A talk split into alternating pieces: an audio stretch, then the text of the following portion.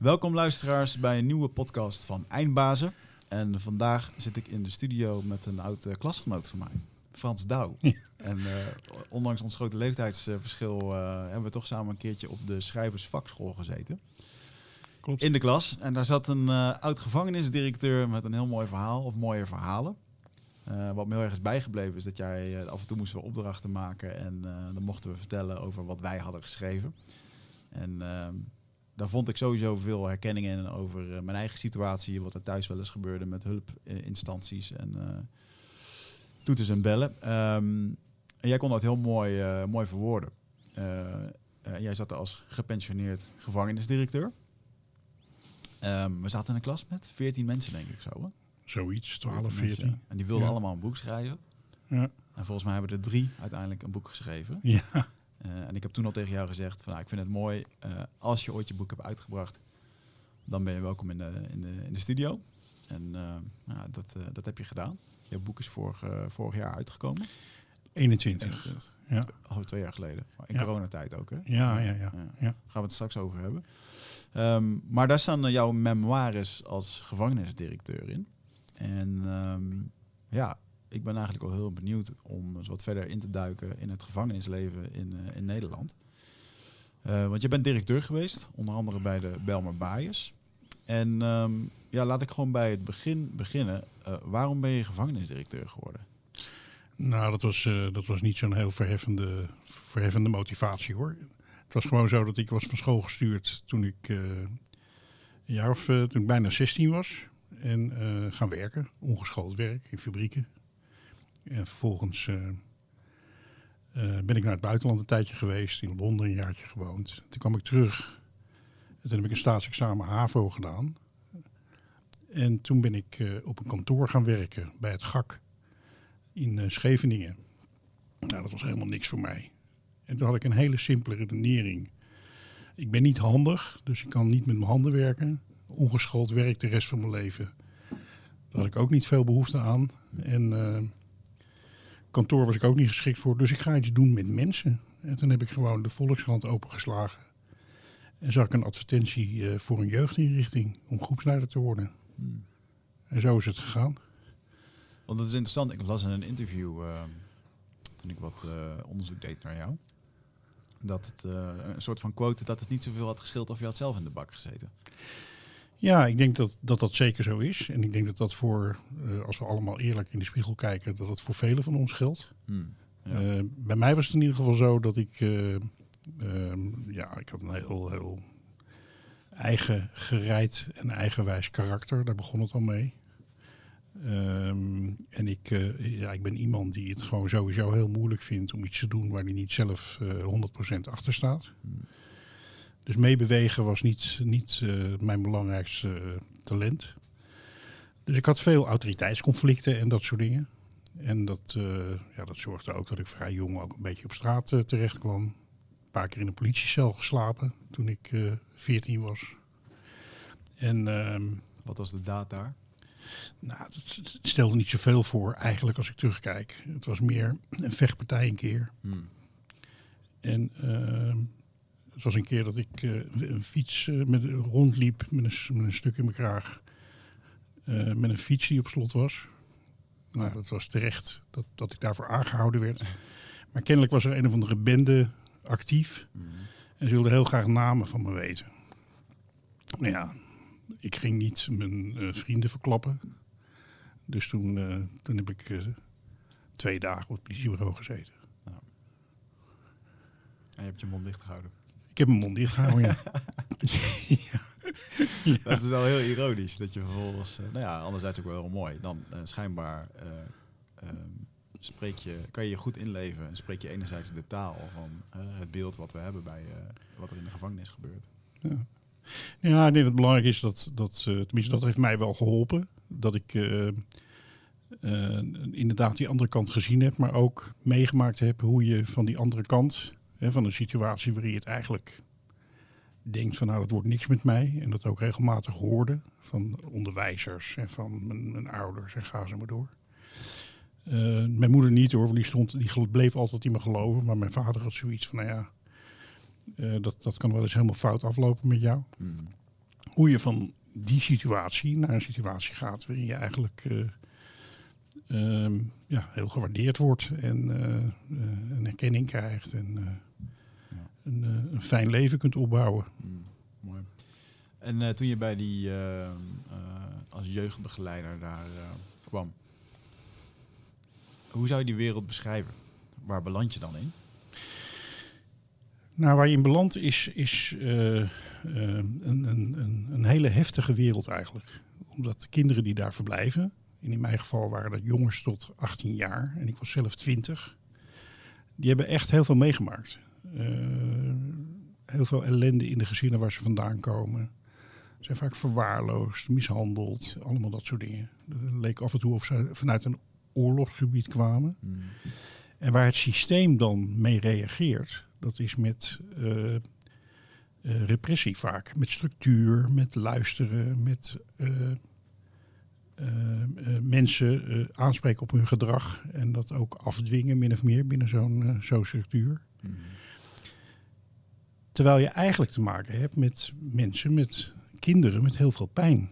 Die vanuit de situatie waar ze in zaten, bijvoorbeeld een geweld, gewelddadig huwelijk van hun ouders, of het feit dat er geen aandacht voor ze was en allemaal dat soort dingen. Terwijl ze eigenlijk ja, gewoon eh, zich ontzettend rot voelen over het feit dat ze thuis weg moeten. Dus eigenlijk min of meer de schuld krijgen van alles wat er thuis gebeurd is. Ja.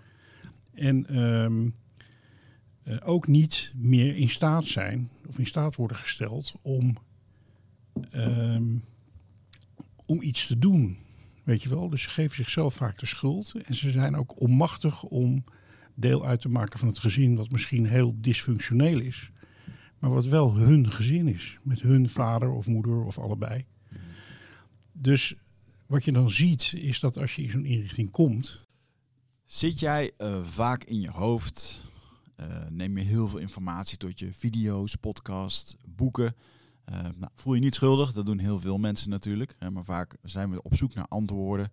Ehm, gaan we nog meer informatie tot ons nemen. Terwijl ja, de antwoorden liggen toch echt in onszelf. En dat is iets wat we voelen met ons lichaam. Maar vaak zijn we zo erg in ons hoofd bezig ja, dat we dat ook niet meer, dat we daar niet meer echt goed bij kunnen. En dat is graag waar ik je voor uit wil nodigen. Voor Rite of Passage. 24, 25 en 26 mei is er weer een nieuwe editie. Voor mijn retreat voor persoonlijke ontwikkeling. Waarbij het thema echt is om uit het hoofd te komen in dat lichaam. Want dat is waar je alles ervaart. En ik wil dat je gewoon weer in contact komt met, met die, die intuïtie. Ehm, en dan gewoon een heel sterk eh, innerlijk kompas. Dat je gewoon weer weet waar je naartoe moet. Wat je te doen staat. En dat je gewoon weer helderheid hebt over wat je wilt en hoe dat je dat gaat doen. En dat doen we middels uh, bio-energetische oefeningen, dynamische meditaties, een stuk shamanisme zit erin. Het enige wat er bekend is van het programma is dat er een zweethut in zit. Uh, en natuurlijk gewoon hands-on persoonlijk leiderschap. Uh, dit retreat krijgt een 9,2 gemiddelde van meer dan 331 deelnemers. Daar ben ik ontzettend trots op. Sterker nog, er is ook een money back guarantee. Vind je niks na drie dagen, krijg je gewoon je geld terug. Dus het enige risico dat je loopt, is dat je gelukkiger wordt. Klinkt dit als iets voor jou en durf je het aan? Dan zie ik je op Ride of Passage. Ga naar wichertmeerman.nl en klik op Retreat. En dat is nog steeds zo op dit moment. Dan wordt er vooral gekeken naar je gedrag. Dat je een vervelend jongetje bent en noem het allemaal maar op. Daar wordt op gereageerd, daar krijg je straf voor en noem het allemaal maar op. En geconditioneerd. Mm -hmm. Terwijl wat je eigenlijk, ja, je moet je eens indenken dat je uh, als een kind van 16 het huis uit moet. Uh, hoe je je dan voelt. Of een kind van 12 zelfs. Hoe je je dan voelt. Dat is gewoon pijn, een soort pijn die, ja, die je gewoon gek maakt. Ik bedoel, als je je echt inbeeldt in hoe het is om dat mee te maken. Dan uh, kan je je heel goed voorstellen dat een kind het gaat uitschreeuwen en iedereen aanvliegt, bij wijze van spreken. Ja, moet ergens, het moet ergens geventileerd worden. Ja. ja. Um, en je hebt, hebt nog niet een leeftijd en een situatie waarin je geleerd hebt om met die pijn om te gaan. Dus in plaats van dat je gekoesterd wordt en dat je uh, uh, merkt van hé, hey, hier mag ik zijn wie ik ben. En uh, hier is begrip voor, het, voor mijn situatie. Wordt, word je naarmate je meer pijn hebt en je dus moeilijker gedraagt, ja. word je heftiger aangepakt. Dat is eigenlijk een beetje de, de, de standaard context waarin je werkt. Van het systeem. Van bijna ieder, ieder systeem. Het is bijzonder inderdaad dat uh, geweld ehm, uiteindelijk uh, de, de slotfase wordt van een hele hoop dingen. Als jij een parkeerboete niet betaalt, nou, dat is prima. Dan krijg je nog een keer een herhaling. En vervolgens een, een deurwaarder, een rechtbank. En vervolgens moet je dat betalen. En als je dat niet betaalt, dan worden je spullen worden verkocht. Ja. En anders ga je de bak in. Ja. Uh, dus uiteindelijk is het geweld toch een soort van scepter wat zwaait op het einde. Ja. Op het einde. En, uh, ja, en dat onze samenleving een soort van in toom houdt. Ja, ik noem dat wel eens de huishouding van pijn. Hmm. Uh, op een of andere manier word jij kennelijk geraakt door die parkeerboete. En reageer je niet door te betalen. En dan zie je dat, dat, dat het zich voort gaat planten. Als je het niet oplost, of in je eigen leven, of met degene die jou die boete hebben ja. gegeven, de overheid, dan, dan plant het zich voort. En uiteindelijk kan het zelfs zover gaan. Uh, parkeerboete is natuurlijk een wat, kleine, een, een, wat klein voorbeeld. Maar uiteindelijk kan het zover gaan dat het ook ten, ten koste gaat van je gezin en van je kinderen. En ja. als, je, als je die escalatieladder uh, af gaat lopen en gaat beklimmen. Hmm. Ja. En is dat ook wat... Uh, je ging toen met jongeren werken. Ja. Uh, later heb je in de gevangenis gewerkt. Um, zie je dan ook dat eigenlijk waar de jongeren op dat moment in zitten, dat het al een klein beetje een voorbode is van een mogelijk traject richting een, een gevangenis? Ja, dat is dat. Ik heb natuurlijk heel veel jongens die ik um, meegemaakt heb in de jeugdinrichting. Later in de gevangenis ben ik die tegengekomen. Jongens die in de gevangenis kwamen voor korte, kleinere delicten, voor kortere periodes, ben ik later ook voor hele ernstige delicten tegengekomen. Of met een TBS of wat dan ook. Um, is overigens maar een heel klein deel dat, dat die weggaat. Hè? Dus uh, en, en, als je in de gevangenis werkt, dan uh, zie je over het algemeen de mensen niet meer terug waar het goed mee gaat. Maar alleen de mensen die in herhaling vallen. Ja. Dus dat vertekent een beetje een beeld. Hè? Dat je de indruk krijgt van nou, het helpt toch niet wat ik hier doe. Want Ja. uh, ze gaan toch allemaal weer de fout in. Ja, ik las, la- onlangs hoorde ik een, eh, een mooie vergelijking. Je hebt overal een, eh, een top 1% in. Hè, de, je hebt voetballers, profvoetballers. Dan heb je Ronaldo, dat is dan nou, die 1%. Ja. Eh, maar dat heb je ook in een negatieve spiraal. Met mensen die er een zooitje van maken. En, Ja. ehm, dus misschien ook wel in het gevangeniswezen.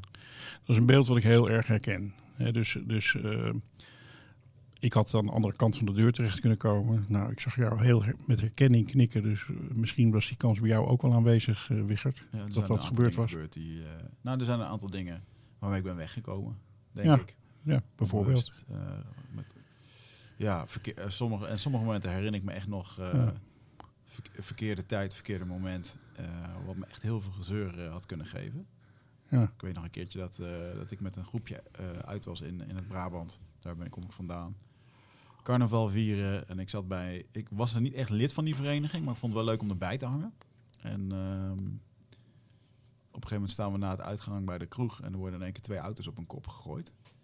Ehm, en dan sta je daarbij en iedereen begint te rennen. Dus wat ga je doen? Jij gaat ook rennen. En dat is nou typisch een situatie waar je eigenlijk niks mee te maken had en eh, waar je wel door in de problemen had kunnen komen. Ja. Eh, en ook wel genoeg qua jongensdingen ja, die echt wel fout hadden kunnen aflopen. Ja. Dus, ja. Ik kan mezelf herinneren dat ik eens een keer, eh, nou toch met dat soort verhalen bezig zijn. Dat ik een keer nogal beide, ik was verbaal nogal sterk en bij de hand.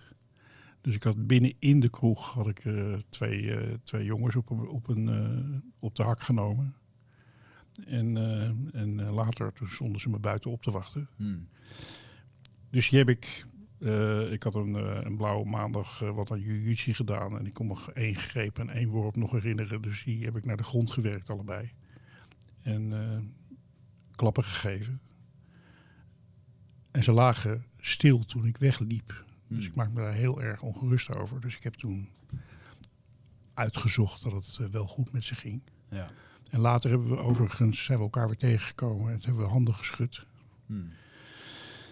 Maar ja, dat is zo'n situatie waarvan je denkt... ik ben mensen in de gevangenis tegengekomen... die net even te hard geslagen hadden. Ja. En eh, dat iemand overleden was. En dan wordt het een heel ander verhaal. Hmm. Ja. En is jouw beeld van... eh, hoeveel mensen zitten er eigenlijk in Nederland in de gevangenis? Eh, als ik eh, de, de jeugdgevangenissen en de TBS erbij optel, ongeveer 11.000.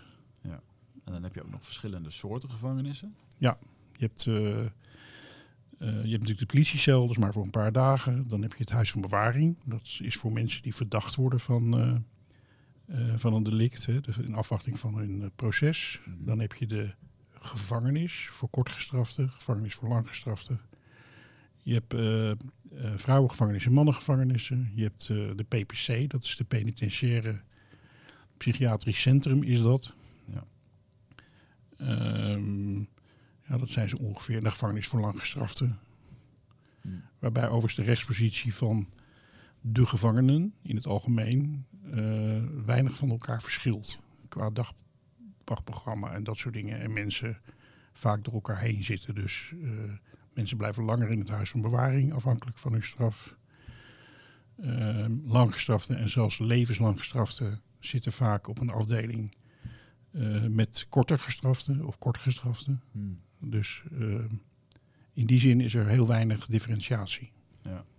En levenslang is in Nederland? 25 jaar? Levenslang is in Nederland levenslang. Dat betekent dus dat je de rest van je leven vastzit. Hmm. En we moeten even afwachten of dat nog gaat veranderen. Levenslang is op zich een heel interessant onderwerp, omdat toen de doodstraf werd eh, afgeschaft, hè, rond de eeuwwisseling van de vorige eeuw, hè, dus, dus eind 1800, begin 1900, toen werd dat vervangen door de levenslange gevangenisstraf met de mogelijkheid tot gratie. Hmm. En eigenlijk in de vorige eeuw is dat eh, eh, bijna altijd gehonoreerd, gratie. Dus bijna alle levenslange gestraften zijn, nou pakweg 20, 25 jaar, weer vrijgelaten. Hè. Neem mensen als Hans van Zet, als je die naam nog kan herinneren, naar hele, hele ernstige delicten. Nee, je zegt niet echt meer wat. Nou ja, dat was een meervoudige moordenaar die, die, die ook vrijgekomen is. Overigens geldt voor al die mensen die gratie hebben gekregen dat ze eh, niet meer gerecidiveerd zijn. En wat betekent dat? Dat ze niet meer, eh, dat ze na de gratie, na hun vrijlating, geen delicten meer hebben gepleegd. Ah, oké. Ja. Dus eh, vervolgens veranderde het klimaat in Nederland. Eh, de rol van de koning werd anders. De politiek ging er anders in zitten. Dus het werd een politieke beslissing om iemand vrij te laten. En toen vanaf de tachtiger jaren is er eigenlijk geen gratie meer verleend. Dus werd levenslang levenslang. Vervolgens zei het Europese Hof van dat kan niet, want een uitzichtloze straf, een straf zonder perspectief, dat is een vorm van marteling en in strijd met de mensenrechten.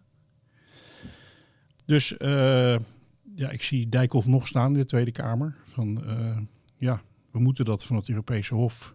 Klaas Dijkhoff is dat toch? Klaas Dijkhoff, ja. We moeten dit van het Europese Hof doen, maar eigenlijk wil ik deze mensen niet vrijlaten. Hmm.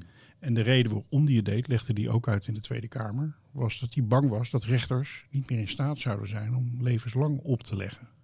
Omdat het Europese Hof niet Ja. akkoord ging met onze eh, levenslange gevangenisstraf. Dat was eigenlijk de reden. Vervolgens, en dat weten we nog van eh, Sander Dekker bijvoorbeeld. eh, vervolgens werd er, een, werd er een regeling gemaakt dat er na 25 jaar gekeken zou worden ehm, of iemand kon reïntegreren. Hè, want levenslang mag levenslang zijn. Hè, als iemand niet nog een gevaar oplevert of allemaal dat soort argumenten zijn er dan. Maar er was een adviescommissie ingesteld om de minister daarover te adviseren. Nou, ook in alle gevallen waarin die adviescommissie positief had geoordeeld over het starten met re van reïntegratie, heeft Dekker nee gezegd. Dus de intentie was niet om mensen vrij te laten. Hmm. Toen kwam het Europese Hof weer. Die hebben een aantal uitspraken gedaan waarin ze zeiden van ja, maar Nederland heeft nog steeds een onomkeerbare levenslange gevangenisstraf. En nu is eigenlijk de, eh, het voorstel van eh, Weerwind om ehm, minister Weerwind om ehm, het van een politieke beslissing naar een rechtelijke beslissing te laten gaan. Hmm. En ik denk dat dat heel, heel verstandig is. Eh, er is nu het voorbeeld van Ben S. Dat is een man die levenslange gevangenisstraf heeft en die ik echt heel goed ken. En die heeft, ehm, ehm, die heeft bijvoorbeeld een politieagenten doodgeschoten. Hm. En dan moet je de situatie voorstellen. Een nachtelijke inval, s'nachts om, eh, ik geloof, vier uur of zo. Hij, wo- hij woont daar met zijn gezin. Molukse man die huis en haard wil beschermen. Schiet dan op het overvalteam. Hè, de, die, die invallen in zijn woning. Ja.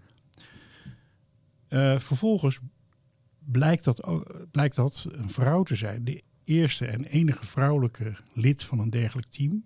Hm. Een soort heldin en iemand met ontzettend veel, eh, met een heel hoog profiel, zeg maar.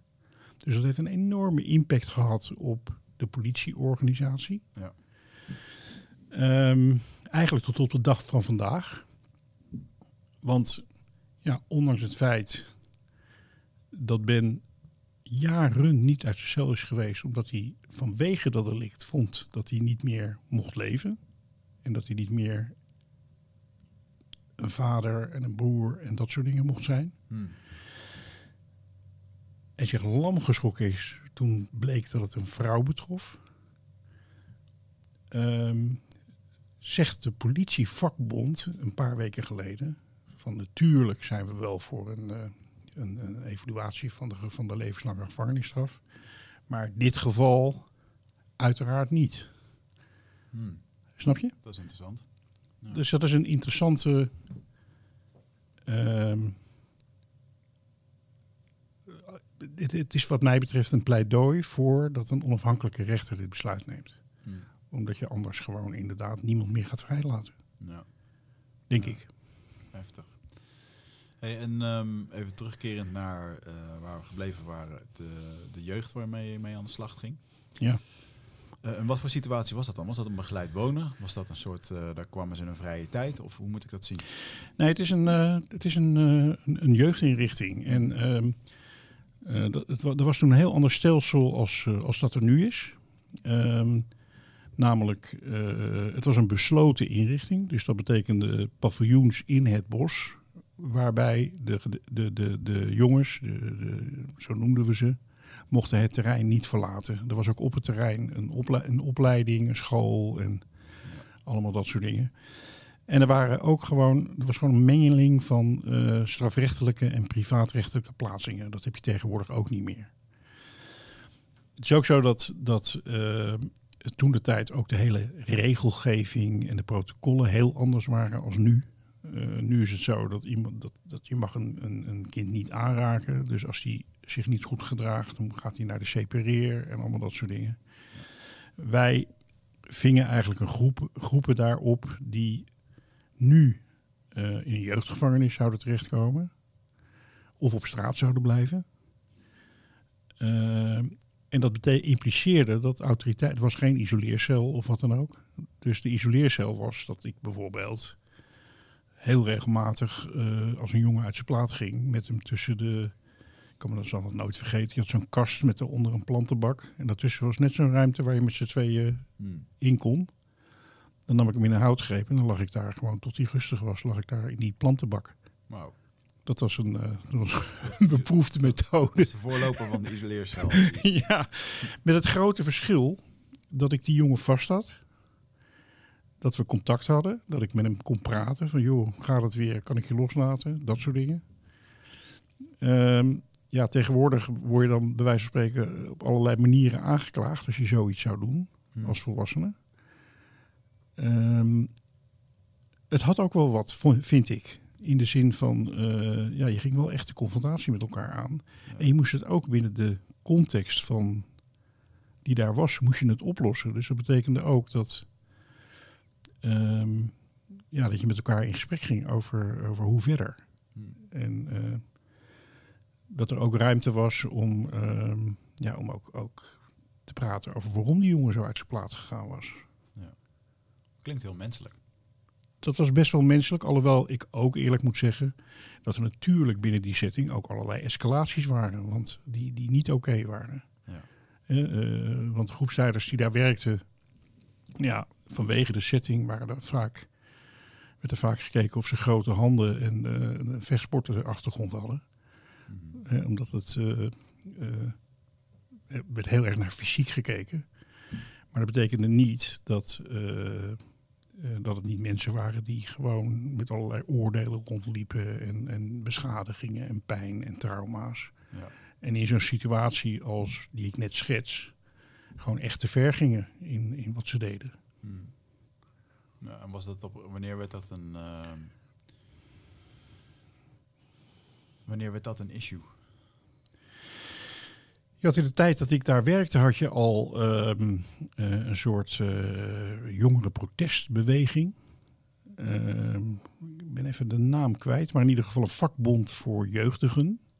Het was ook de tijd van het jongerenadviescentrum. Dat is allemaal voor jouw tijd, hè? Dat soort dingen. Ja, ik- ja waarschijnlijk wel.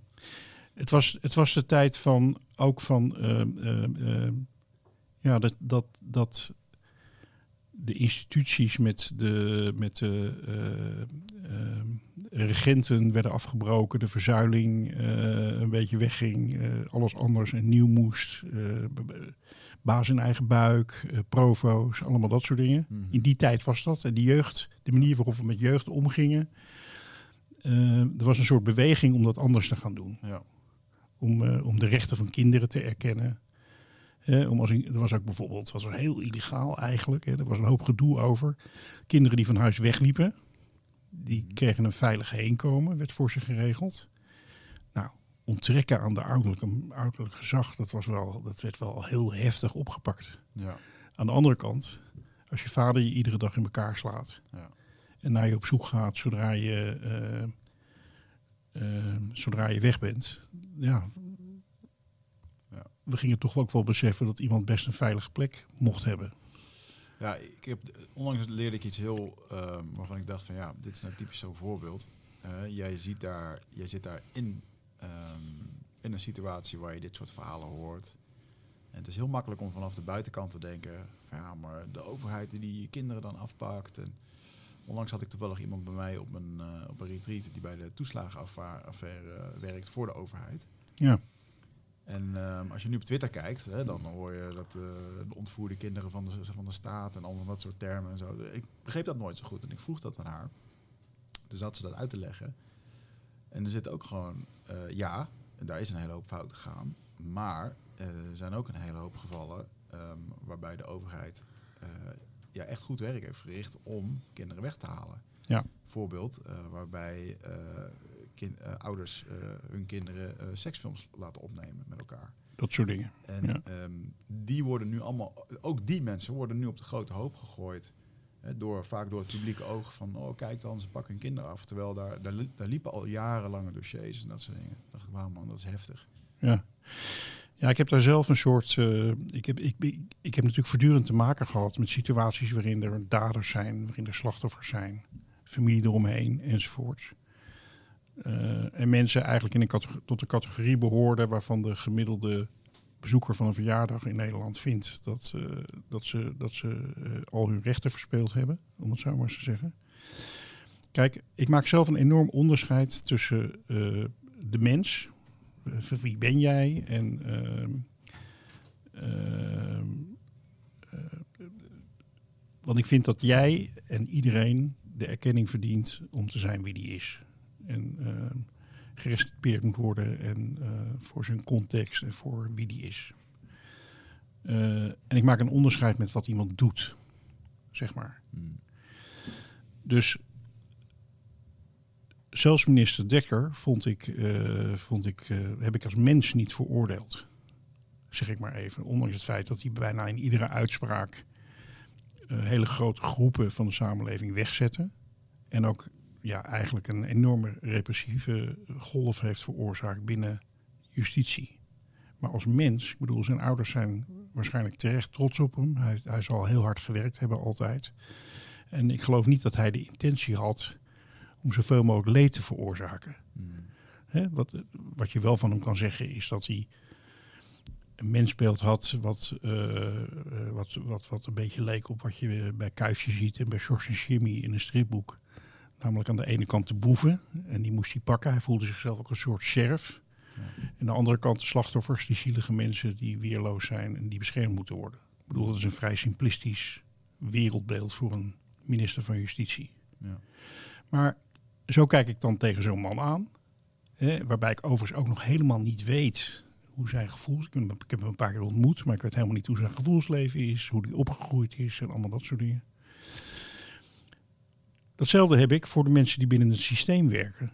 Ik bedoel, ehm, eh, ik heb zelf jarenlang in het systeem gewerkt. En ik weet gewoon dat, dat verreweg de meesten hun stinkende best doen. Ja. En misschien heel erg. ehm, sommigen zijn heel teleurgesteld en, en gaan dat, dat ga je merken aan hun werk. En daar hebben ook de Cliënten. in het systeem bedoel je dan? systeem in zichzelf. Want het zijn ook gewoon mensen. Hè? Dus Ja. ze maken in hun leven van alles mee. Hè? Dus eh, je hebt al een jeugd gehad en dan eh, misschien ben je wel gescheiden. Misschien eh, krijg, je wel een drankprobleem of een andere situatie waardoor je gewoon Mhm. waardoor het allemaal niet zo lekker gaat. Ja. Ja, dat ga je gewoon op je werk natuurlijk ook merken. Dat geldt voor iedereen. Mm. Maar het kan niet zo zijn dat iemand die in de jeugdzorg werkt of in de gevangenis werkt, wat mij betreft, eh, een slechterik is omdat hij daar werkt. Ja. Wat ik wel belangrijk vind, en waar ik ook steeds voor pleit eh, op allerlei plekken, is dat als je voor een systeem werkt, en dat kan zijn een gevangenis of dat kan zijn een- bij de gemeente, hè, waar ook heel veel mensen aankloppen, of een school. Ja, ik zou het heel, ik, ik, ik vind- zou het heel goed vinden als mensen zich realiseren dat aan de ene kant er een mooie taak is, hè? de samenleving beschermen, kinderen zich laten ontwikkelen, eh, de burgerij van dienst zijn met allerlei taken. Maar dat er ook hele destructieve kanten aan iedere, iedere baan in het systeem zitten. Hè, dat de effecten heel destructief kunnen zijn. Ja. Een school kan ook een plek zijn die heel onveilig is. En waar eh, kinderen juist helemaal niks leren. Ja. En alleen maar eh, eh, worden gestructureerd en begrensd en gestraft. Dat, daar hebben we talloze voorbeelden van. Een gemeente en een ambtenaar bij de gemeente, die kan zo functioneren dat als je op je fietsje 10 kilometer hebt, eh, hebt gefietst om, om iets voor elkaar te krijgen, die, dat hij alleen maar nee, nee, nee, nee, zegt en je weer terugzet, eh, terugstuurt om een formulier net iets anders in te vullen. Mm. Hè, dat zo kan je er ook mee omgaan. Ja. Dus, dus wat, mij, wat ik heel belangrijk vind, is dat, er, dat als je in een systeem werkt, dat je zo empathisch bent, dat je weet wat ook de negatieve effecten kunnen zijn van wat je doet. En dat je probeert om dat, dat te beperken. Daar wat aan te doen, de menselijke maat te vinden. Ja. En ja, hoe, hoe kan je dat doen? Eh, en dat is niet zo eenvoudig. Dat is in ieder geval door mensen niet te veroordelen en te beoordelen. Echt vooral niet vanuit vooroordelen reageren op mensen. Wat natuurlijk wel heel veel gebeurt. En- En moeilijk ook is om niet te doen. Om niet te doen, tuurlijk. Tuurlijk, dat is moeilijk om niet te doen. En het tweede is dat je, dat je echt moet dealen met je eigen pijn. Ja. En dus op het moment dat jij opgegroeid bent eh, of, of een soort gevoelige plek hebt, dat, je, dat, je, dat, je, dat, dat er te- net even te veel tegen je gezegd heeft van joh, jij kan er niks van of je bent dom. Dan is het ontzettend lastig dat als je bijvoorbeeld treinconducteur bent en iemand zegt van joh, wat ben jij toch dom, Mm. om dan niet vanuit die pijn te reageren en Ja. die gekwetstheid. Ja. Dus, dus ja, dat is ook niet, niet eenvoudig om daar eigenlijk omheen te gaan of daar zo mee om te gaan dat je dat dus gewoon niet doet. En dat je denkt van, goh, kijk, dat die man zegt dat ik dom ben, dat heeft niks met mij te maken. Dat heeft wat met hem te maken. Ja. En dat laat ik ook bij hem. Hey Eindmazen fan, dankjewel dat je aan het kijken bent naar deze podcast.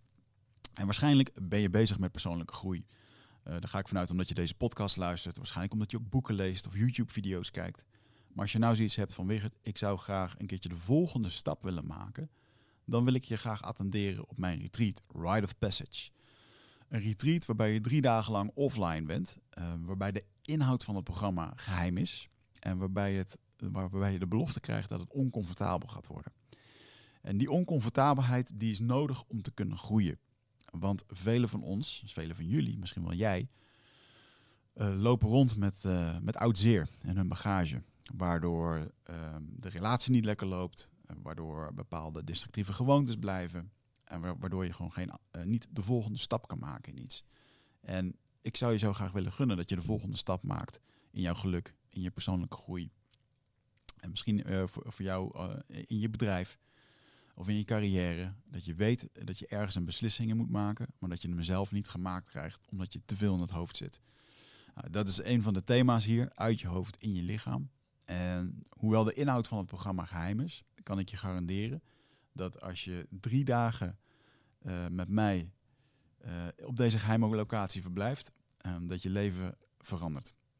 En daar durf ik zo zeker van te zijn dat ik ook een 100% money back guarantee garandeer. Dat als je dit drie dagen hebt doorlopen en je vindt het niks, dan krijg je gewoon je geld terug.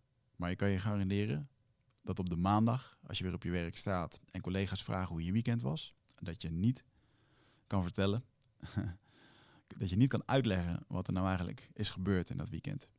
Maar dat het zo ontzettend veel heeft gebracht, uh, dat het jou een nieuw mens heeft gemaakt. En dat gun ik iedereen. Een nieuwe start.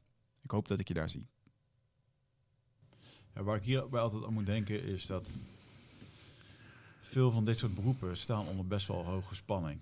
Denk A, omdat ze niet altijd even goed getraind zijn om bijvoorbeeld met dit stukje om te gaan. Uh, B ook omdat er in één keer een hoop kan gebeuren. En ja, er gebeurt thuis ook nog een hoop dingen. Je kan ziek worden, er kan iets met je gezin zijn. Uh, waardoor op, een gegeven moment komt er een soort van uh, spanning die te hoog wordt. Um, waardoor er een keertje iets knapt. En dat kan dan zijn in verkeerd reageren op iemand die bijvoorbeeld in de gevangenis zit. maar het is echt wel moeilijk om met dat soort beroepen om continu die, ja, de lijn te bewaken van. Ja, je bent natuurlijk ook gewoon mens. Dus dat lijkt ja. me heel erg lastig. Om, om uh, ik heb daar heel veel begrip voor. Hoor. Dat een, uh, bijvoorbeeld die agenten in Amerika, die zie je vaak dat ze te agressief zijn of te snel. Maar ja, er, gebeurt daar zo, er gebeuren daar zoveel gekke dingen. Veel gekker dan hier. Dat die agenten continu op een bepaalde spanning staan. Nooit weten wat voor iemand ze kunnen aantreffen. Uh, en dat je op een gegeven moment op een soort uh, automatische piloot gaat staan die, uh, die voor jou veilig voelt. En dat ja, kan zijn zult... dat je onredelijk gaat handelen. Ja, zeker, zeker. En heb je binnen de gevangenis en bij de politie en in allerlei systemen heb je daarmee te maken. Hmm. Um, zeker ook in de Verenigde Staten. ik kom veel in de Verenigde Staten.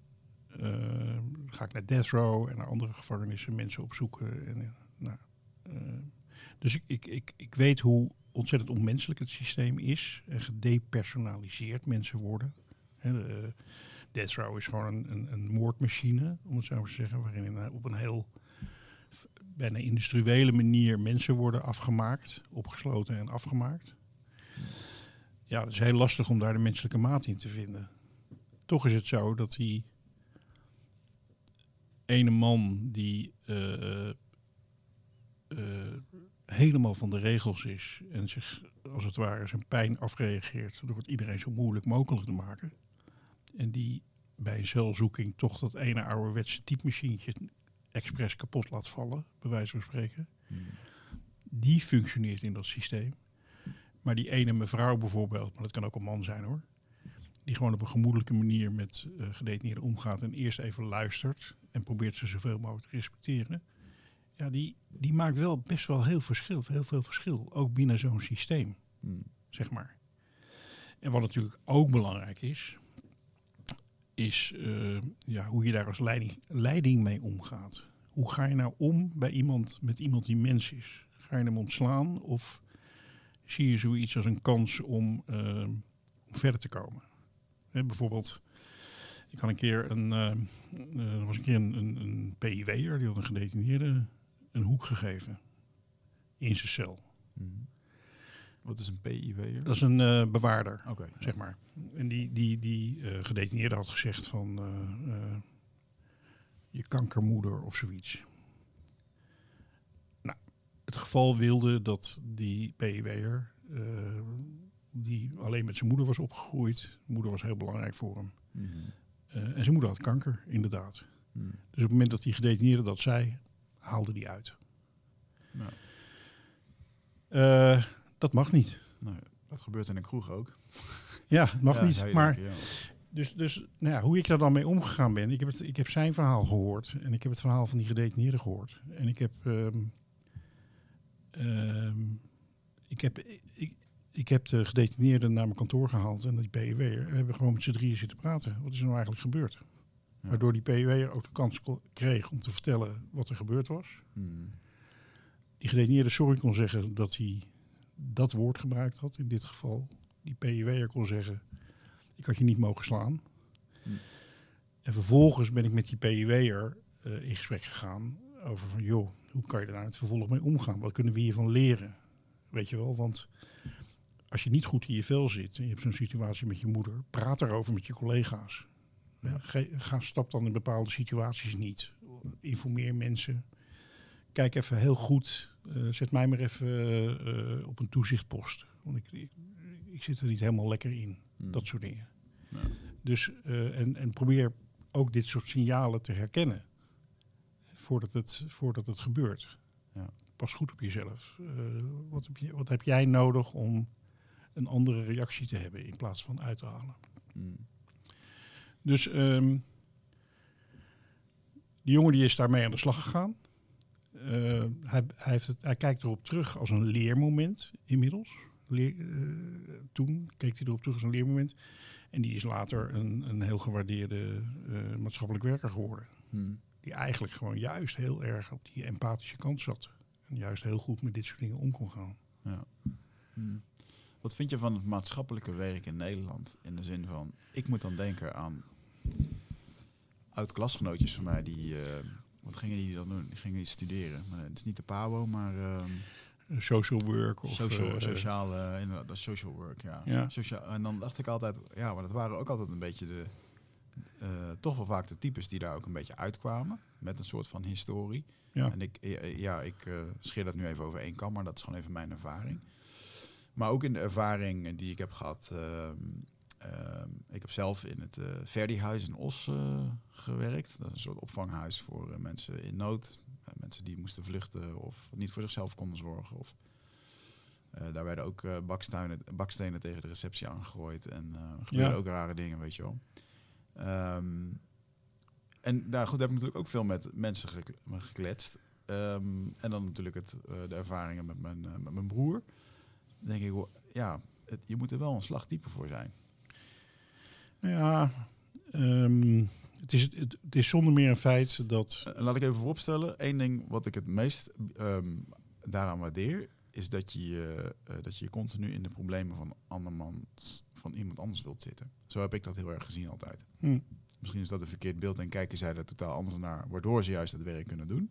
Maar daarvan dacht ik altijd, wauw, dat zou ik niet kunnen. Ja, er is een. Uh, uh, ik, uh, ik, heb een tijdje gezegd van iedereen die hulpverlener wordt, is waarschijnlijk een, een geparentificeerd kind geweest. En dat daar bedoel ik mee dat hij opgegroeid is en in het gezin waar hij uitkwam, gewoon veel voor zijn ouders gezorgd heeft, voor andere kinderen gezorgd heeft, dingen heeft opgevangen. En zo een soort ervaring heeft opgebouwd, waardoor hij ja, skills heeft en um, een manier van doen.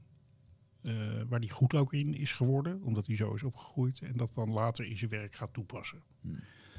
Dat uh, is een beetje ook een vrij simplistische verklaring. Maar um, uh, als jij veel ervaring hebt mee opgroeien met dit soort situaties, is het niet helemaal onlogisch.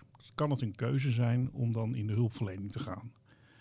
Een hele andere keuze kan ook hoor. Dat je precies het tegenovergestelde kiest. Omdat je er niks meer mee te maken wil hebben. Ja.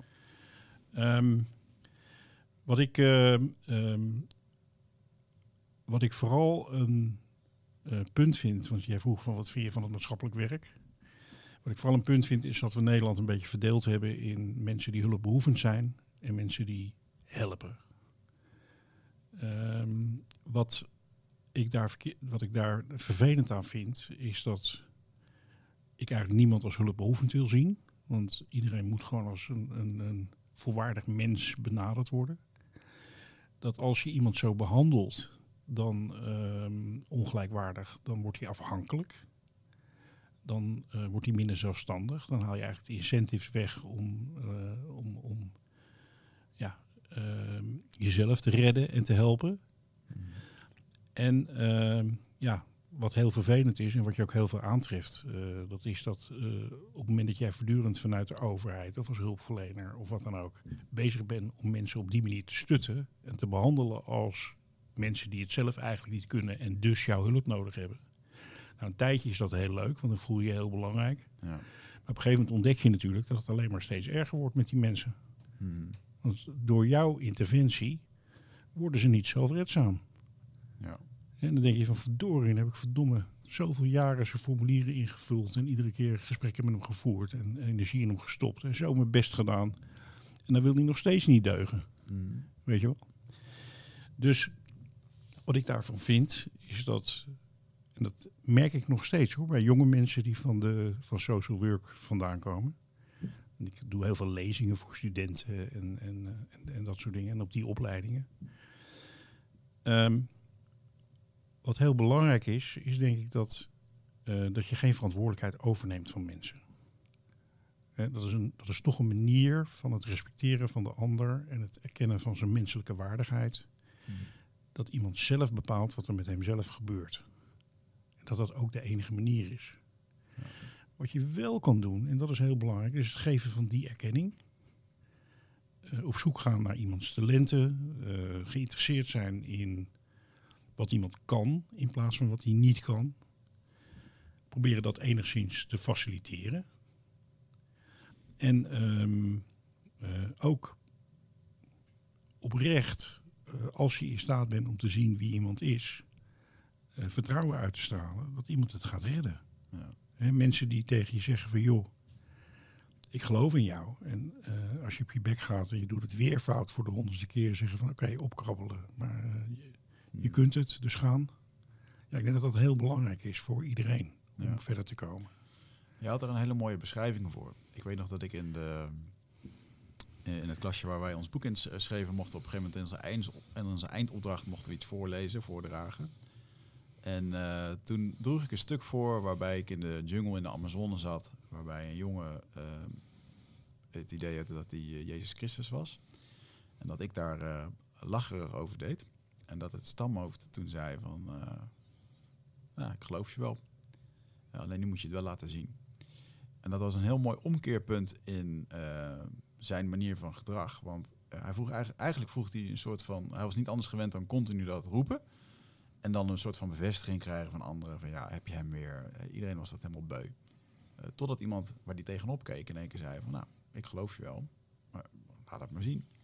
En het gedrag eh, draaide 180 180 procent. Wat een prachtig verhaal. Ja, Wat ik- je had er een bepaalde naam voor hoe dat je dat benoemde in, de, in het gevangeniswezen. Een bepaalde manier van. eh, Bedoel je de meerzijdige partijdigheid misschien? nou ja, in ieder geval dat je iemand in zijn kracht zet door, me- ook al wat hij ook zegt, dat je hem gewoon dat vertrouwen geeft. Ik, Ja. ik weet niet precies wat het was, maar ik vond het mooi wat je daarover vertelde. En dat het dus schijnbaar ook eh, een daadwerkelijke methode is om te. Ja, ik te kan, ik kan er wel iets. ik weet niet of je dat precies bedoelt, maar ik vind het een heel mooi verhaal, omdat het echt in een paar regels aangeeft. Wat, wat mij betreft een hele belangrijke essentie is in met elkaar omgaan.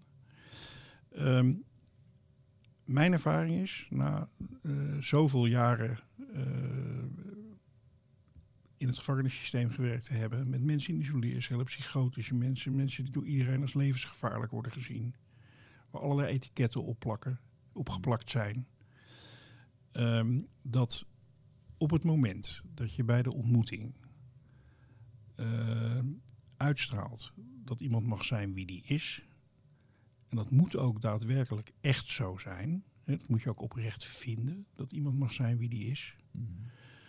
Ehm, en de ander gelooft dat dus ook. Dat duurt vaak maar een paar seconden dat iemand dat ziet. Ja. Dan komt iedereen in beweging. Iedereen. Niemand uitgezonderd. En de een gaat heel snel en de ander gaat langzaam. Maar iedereen komt in beweging. En dan hoef je eigenlijk alleen maar die ander te volgen. Hmm. En is die ruimte er genoeg eh, in Nederland om dat eh, te laten doen? Nou, het belangrijkste wat je volgens mij moet doen is die ruimte in jezelf vinden. Hmm. Want zo, om ook zo naar jezelf te kijken. Hè? Dat je jezelf mag, dat je er zelf mag zijn. Dat is heel belangrijk om het te kunnen geven aan anderen. En eh, ja, die ruimte is er minimaal, vind ik zelf. Hmm. Zeker eh, als je naar de wereld kijkt waarin je gewerkt hebt. Maar sowieso vind ik dat die ruimte heel erg gering is. Dat Ja. mensen echt mogen zijn wie ze zijn. Ja. Dat vind ik een mooie, eh, of een vraag die veel mensen, of een stelling die veel mensen hebben, is dat ehm, de gevangenis in Nederland een vakantiepark is. eh, ik zelf ben van mening dat als je iemand zijn vrijheid ontneemt, eh, dat een kamertje met een televisie van, van, van 3 bij 3, dat het echt geen pretje is. En ja, er zijn gradaties in de wereld waar het nog minder plezierig is. Ehm, maar hoe, hoe kijk jij daarnaar? En hoe kijken de gevangenen daarnaar? Ja, nou, ehm, ik kijk er zelf naar als dat de straf is vrijheidsbeneming. Dus het feit dat je niet naar je familie kunt, dat je niet naar buiten kunt, dat je niet eens zelf uh, kunt besluiten dat je een wc-rol nodig hebt, maar dat het gewoon aan iemand moet vragen. Hmm dat, is, dat werkt zo ontzettend verlammend en beperkend. Dat, dat is gewoon dat is de straf die je krijgt. Ja. Uh, als ik op scholenlezingen geef, dan krijg ik altijd die vraag hè, over dat luxe hotel. En dan zeg ik, hoe zou je het vinden als je thuis moest blijven, opgesloten op je kamer. En je mocht niet naar de verjaardag van je neefje of nichtje. Mm -hmm. En iedereen viert kerstfeest en jij mag er niet bij zijn. Um, Nederland is een welvarend land, dus de, de standaard van de gebouwen, van de inventaris en allemaal dat soort dingen is hoog. Hè, dus dat zie je ook in de gevangenissen. Ja. Maar dat zegt nog erg weinig. Het is wel belangrijk, maar het zegt nog niet alles over de, de menselijkheid binnen die gevangenis. En, en hoe, het daar, hoe het daar daadwerkelijk is om daar te zitten. Um, wat bijvoorbeeld een, een, belangrijk aspect van de gevangenis is, is naast de geslotenheid, is het feit dat een gevangenis gewoon een hele onveilige omgeving is. Mhm. En die onveiligheid, die, daar bedoel ik mee dat uh, het uiten van emotie, daar staat eigenlijk een enorme penalty op. Er staat straf op. Mm. word je, uh, dus, dus op het moment dat je heel boos of heel verdrietig wordt, nou, dat moet vooral, uh, dat moet vooral uh, ingekaderd worden en, en weggezet worden. Hè, want dat is een verstoring van de rust en de onrust, van de rust en orde in de inrichting. Maar ook onder gedetineerden, waarvan er veel in een onveilige omgeving zijn opgegroeid. En ook heel goed zijn om daarmee om te gaan. Hmm. Onder gedetineerden, waar ook natuurlijk sprake is van handel en een behoorlijke onderlinge hiërarchie is het ook verstandig om, uh, als je niet boven in die vo voedselketen staat, om uh, niet te veel te laten merken. Want daar wordt gewoon op gereageerd. Je zit met allemaal mannen hutje-mutje boven elkaar. Mm. Uh, ik ken een man die nogal intelligent is en altijd keurig gekleed is. Want is die, vanuit zijn achtergrond en cultuur is, is dat belangrijk. Nou, dat levert hem gewoon klappen op. Snap je? Mm. In de gevangenis. Dus uh, gevangenis is een onveilige omgeving. En als je bedenkt dat, dat je voor herstel, hè, om dingen een plek te kunnen geven, ruimte nodig hebt, ook om te experimenteren, uh, om, om je te uiten, om te mogen zijn wie je bent, dan kun je je voorstellen dat de gevangenis eigenlijk per definitie geen goede plek is om te herstellen van de dingen die je juist in die gevangenis gebracht hebben. Ja. want vanuit pijn dat zo, zo zou je criminaliteit ook kunnen omschrijven. Ik heb pijn, er is mij onrecht aangedaan. En dat reageer ik af op een ander. Want ik ga zelf die confrontatie met die pijn niet aan. Ja. Ehm, dus uh, op het moment dat ik niks met die pijn doe en daar niet doorheen ga en die beker niet leeg drink en al die ellende die ik meegemaakt heb, op een manier daarmee om weet te gaan, dan blijf ik eigenlijk delictgevaarlijk. Dus, uh, en wat heb je daarvoor nodig? Ja, daar hebben we het net al een beetje over gehad. Dat je gewoon uh, jezelf kunt zijn, dat, dat anderen uh, jouw talenten zien, dat je die kan ontwikkelen, dat je anders gaat denken over jezelf, je ook een andere toekomst kunt voorstellen met jezelf. Hmm. Dat je weer een beetje begint met de moed, moed te krijgen, om het zo maar te zeggen. Ja. Nou, daar is de gevangenis geen ideale plek voor. Nee. Denk je dat, heel veel, dat, dat er veel mensen zijn die in de gevangenis komen, uh, maar eigenlijk niet in de gevangenis horen? Nou, het begint natuurlijk bij de vraag van wie hoort er in de gevangenis? Ja, mensen die echt een gevaar. Nou, ja, dat is natuurlijk een lastig. Ik bedoel dan meer eventjes. Um, ik denk dat er veel mensen in de gevangenis komen. Neem bijvoorbeeld. Uh, mijn broer kwam vroeger een keertje in de gevangenis. Um, waarbij hij tussen de criminelen kwam terwijl hij gewoon geestelijke hulp nodig had. En die was daar niet voldoende. Hm. Zat in een verkeerde omgeving. En volgens mij hebben ze die eh, in de EB in Vught heeft hij een tijdje gezeten.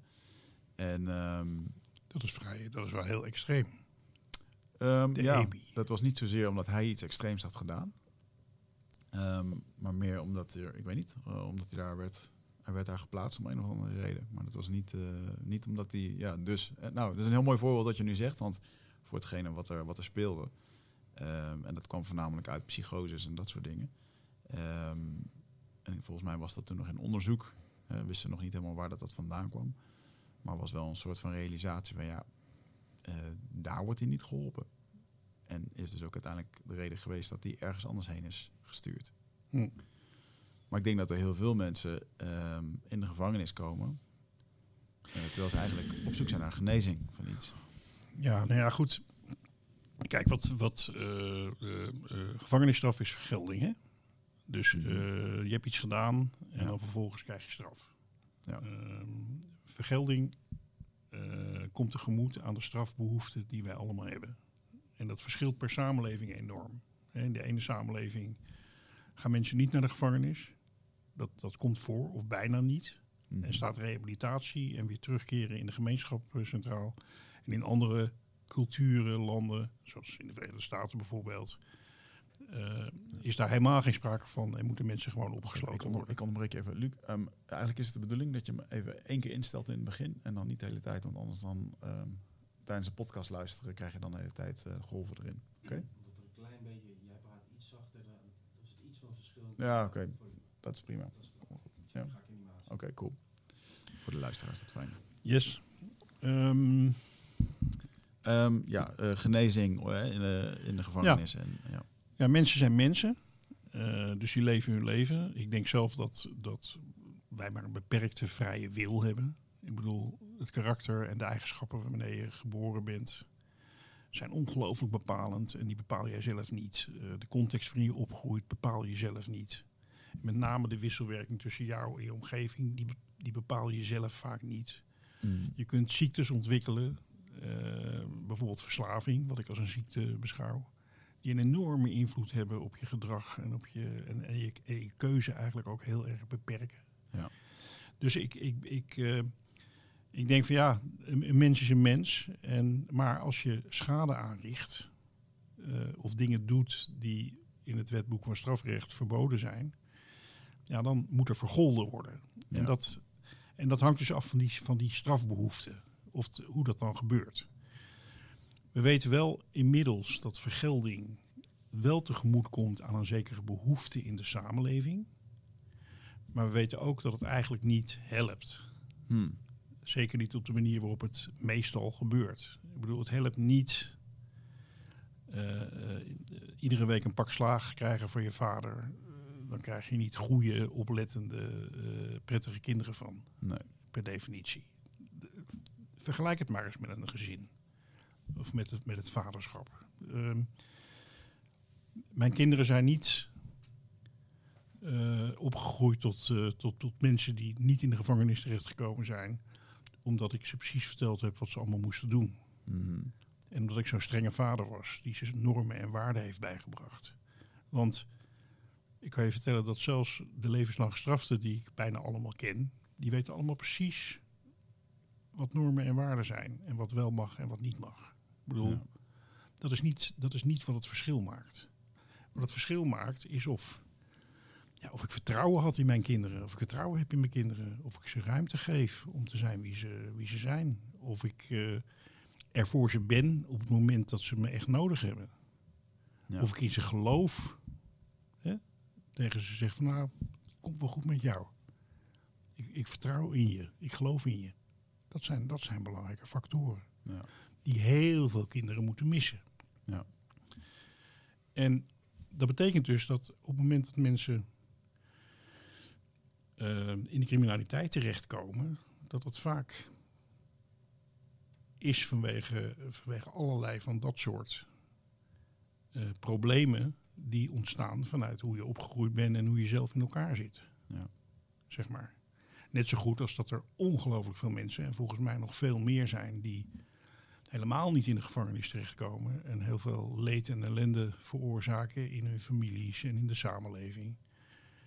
Eh, en die dat ook doen vanuit, eh, ja, vanuit hun karakter en vanuit wat er met ze gebeurt. Dus ik moet altijd aan, aan, aan Trump denken als ik het over dit onderwerp heb. Mhm. Ik ben niet de psychiater van Trump. Dus dat pretendeer ik ook niet. Maar wat, wat ik zie is een, een profiel van iemand wat ik ja, best wel herken. Ik ben wel veel van, da- van mensen met die persoonlijkheid tegengekomen. Die in de gevangenis zaten bijvoorbeeld. Ja. Neig je Ja. dan een beetje naar het narcistische toe? Want toevallig heb ik Ja. vorige week een, eh, een, eh, een neuropsycholoog eh, een soort profiel horen schetsen over Trump. En, Ja. ja. Nou ja, wat ik, deze mensen, noem ik dan even generaliseren. Mensen die dus, wat ik zie aan hem is dat het nooit genoeg is. Dat hij op krenking, inderdaad narcistisch, op krenking reageert als een kleuter van twee, zeg maar. Mhm. Ehm, en dat hij eigenlijk, ondanks het feit dat ik zie dat hij heel veel aandacht, liefde, erkenning, hè, op, zelfs op zijn leeftijd, dan ben je miljardair, dan ben je president van Amerika geweest en dan ben je nog naar erkenning aan het hunkeren, alsof je een soort Calimero bent, hè? als een klein kind eigenlijk. ja. Dus wat ik vooral zie, is een gebrekkig mens. Een mens die eigenlijk heel graag iets wil en ergens naar verlangt, maar totaal niet in staat is om dat of te ontvangen of te geven. Ja. Dus wat eh, een, een naaste medewerker van hem een keer genoemd heeft. Trump is eigenlijk een heel gebrekkig mens. Hm.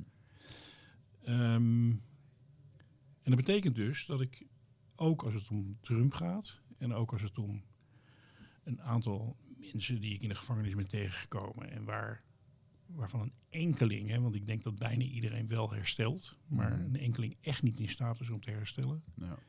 ja, dan, dan zie ik vooral een gebrekkig mens die, niet, die, die eigenlijk heel, heel armoedig is, omdat hij gewoon alles wat hij naar verlangt, krijgt hij niet. Hm. Ja. En dan denk ik van ja, als ik dan met mijn kinderen en met mijn kleinkinderen op de bank zit, Ja. dan ben ik honderd keer zo rijk als die persoon. Ja, zeker.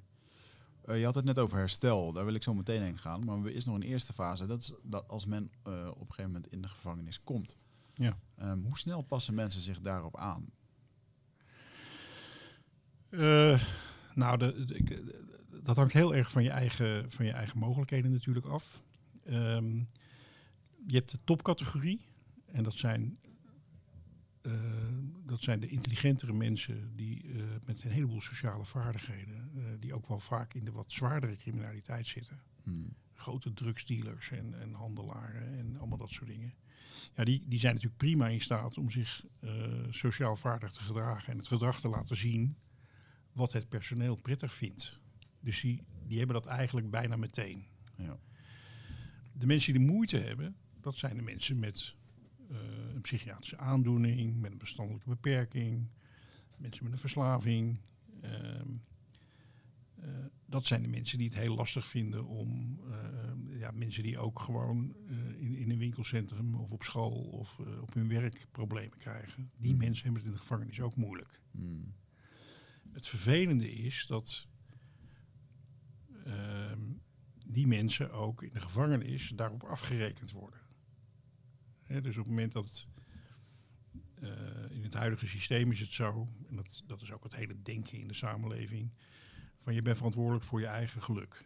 En je bent verantwoordelijk voor alles wat er met jou gebeurt. Dus op het moment dat jij eh, in staat bent om jezelf een plek te verwerven, een prettige plek, dan eh, heb je goed je best gedaan en dan verdien je dat.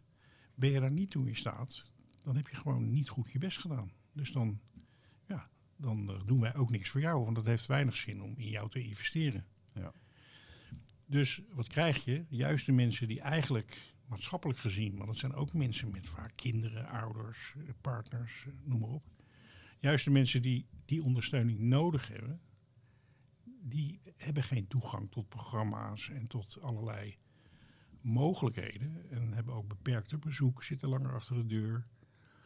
Dan degene die zeggen van, hey, eh, doe mij maar een opleidingje, Ja. zeg maar. Ja. En zich sociaal vaardig gedragen. Die krijgen ook een baantje, die kunnen zich vrijer bewegen, noem het allemaal maar op. Ja. Dus over aanpassen hangt heel erg af van, eh, van het individu. en van de omgeving. Want het leefklimaat in een inrichting eh, is heel erg belangrijk. Hè? Of, dat bepaalt, wij denken vaak van de boeven, zoals ze genoemd worden, zijn het probleem. Nee, wat veel meer het probleem is, is hoe we met hen omgaan. Dus op, op het moment dat je mensen in een situatie plaatst waarin ze geen kant op kunnen en waar ze niet mee om kunnen gaan, dan, dan ga je het soort gedrag krijgen wat je, waar je niet op zit te wachten. En dan Ja. kun je zeggen van nou, hij gedraagt zich niet goed, dus het is zijn schuld. Mhm. Terwijl we inmiddels weten dat als je een effectieve gevangenis wil maken, zo effectief mogelijke gevangenis willen maken, we weten wat daarvoor nodig is. En met effectief bedoel ik dan dat de schade zoveel mogelijk beperkt wordt, eh, de detentieschade, en dat mensen weer op een zo goed mogelijke manier terugkeren in de samenleving. Want ze worden bijna allemaal ja buurman weer. Ja. Wat, ehm, eh, wat er- ik kan het heel simpel noemen. Er zijn een paar dingen die heel belangrijk Belangrijk is natuurlijk de betrokken personeel. Personeel wat aan de ene kant dicht naast en bij een gedetineerde gaat staan. Dat geldt trouwens ook voor de hulpverlening hè, met cliënten. Zichzelf durft te laten zien. En tegelijkertijd voldoende professioneel is om overzicht te houden over de hele situatie en te weten waar hij daarvoor werkt, zeg maar. Het is niet makkelijk, maar het is wel wat heel erg helpt en werkt. Het is ontzettend belangrijk voor ieder mens. Autonomie is ontzettend belangrijk. Hoeveel ruimte heb je om zelf een invulling te geven aan je dag? Aan, eh, aan, aan- wordt, er, wordt er enigszins aangesloten bij je behoeften? Of ga je een afgestudeerde filosoof eh, zakjes laten plakken? Eh, laat je iemand die gek is op de tuin in het magazijn werken of mag die in de tuin iets doen Eh, Hmm. en noem het allemaal maar op. Ja. Dus de mate waarin ma- laat je mensen zich vrij door de gevangenis bewegen, straalt het een bepaald vertrouwen uit. Eh, contacten met buiten wordt nu steeds meer beperkt. Maar het is ontzettend belangrijk om, om, eh, om eh, met, met je familie om te kunnen gaan. Waarom wordt dat nu beperkt? Is daar een bepaalde... Nou, er is in Nederland een, een, een, een hele duidelijke beweging gaande, al vrij lang. Vandaar dat de effecten ook enorm zijn. Waarin eh, de politiek graag tough on crime is. Eh, dus, dus we laten zien dat ze stoer optreden tegen, Mhm. eh, tegen criminelen. Dat de gevangenis geen hotel is. Ja. Noem het allemaal maar op. Ehm, en, dat, en er is een, een, een zekere angst voor mensen. Hè, voor wat ze allemaal kunnen gaan doen. Ja. Hè, dus ik hoorde een directeur gevangeniswezen pas geleden zeggen... Nou, er zijn... helaas zijn er veel meer desperate en moeilijke en gevaarlijke mensen... en criminele mensen in de gevangenis als dat we zouden willen. Zeg maar. Ja, dat is maar net hoe je kijkt en hoe je met ze omgaat. Snap je? Dus, Mhm. dus voor mij zijn de Taghi's en de Holleders... zijn een soort kleine, hele kleine buitencategorie. Waarbij overigens, als je op de lange termijn gaat kijken... en ik, doordat ik ruim 40 jaar in dat systeem gewerkt heb... Kan ik ook, heb ik ook wat inzicht in wat er op langere termijn met mensen gebeurt. Waarbij je op langere termijn kunt zeggen dat het feit dat ze die positie gekregen hebben, verworven hebben... dat het voor hun dan ook wel heel moeilijk wordt om ook nog iets anders te kiezen, zeg maar Mhm. en zich anders te gaan gedragen. Want alle gedetineerden en de hele samenleving zet ze op die plek. Ik bedoel, ook wij, zelfs bij hun hebben wij daar zelf ook nog een bepaalde verantwoordelijkheid in. Maar door, die, door dit soort mensen en door de situaties rond dit soort mensen, is er een soort idee gekomen dat je in de gevangenis het voortgezet crimineel handelen moet aanpakken. Dat je drugshandel moet aanpakken. Dat je verkeerd gedrag moet aanpakken.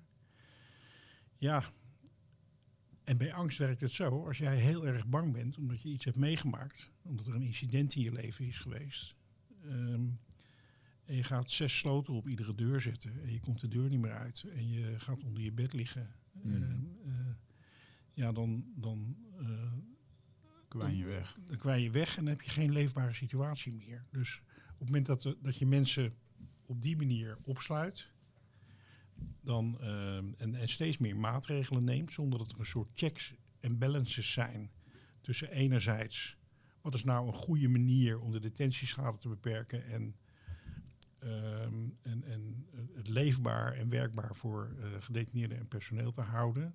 Mhm. Dat is de ene kant. En aan de andere kant al die veiligheidsmaatregelen en al die beperkingen die steeds opgelegd worden. Dat men zich realiseert bij alles wat je weer afneemt en weghaalt van eh, wat is de impact op het leefklimaat. Ja. Die afweging, ik zie bijna niet meer dat dat gemaakt wordt. Het is alleen maar repressie. Er wordt op iedere incident wordt gereageerd met nog meer repressie en nog meer repressie en nog meer veiligheid. Mhm. Terwijl, laten we eerlijk zijn, hartstikke goed dat we proberen eh, iets te doen aan het feit dat Nederland de grootste producent van, van, van en handelaar in drugs is, zo ongeveer in de hele wereld. Mhm. Ehm, ontzettend goed dat we iets proberen te doen aan, aan, eh, in de havens en aan de containers en allemaal dat soort dingen. Maar we moeten ook eerlijk zijn over wat er haalbaar in is. Je moet ook eerlijk zijn over het feit dat. Ik ben in Rusland in veel gevangenissen geweest, in Amerika. Hele repressieve systemen. Er zijn overal drugs. Er zijn overal kan er gebeld worden met elkaar. Er is, ik bedoel, Ja. wees, je hebt daar een keuze in. Je hebt daar een keuze in. Hoe ver ga ik met het niet vertrouwen van mensen en het iedereen onderwerpen aan een, eh, Mhm. aan een repressief systeem?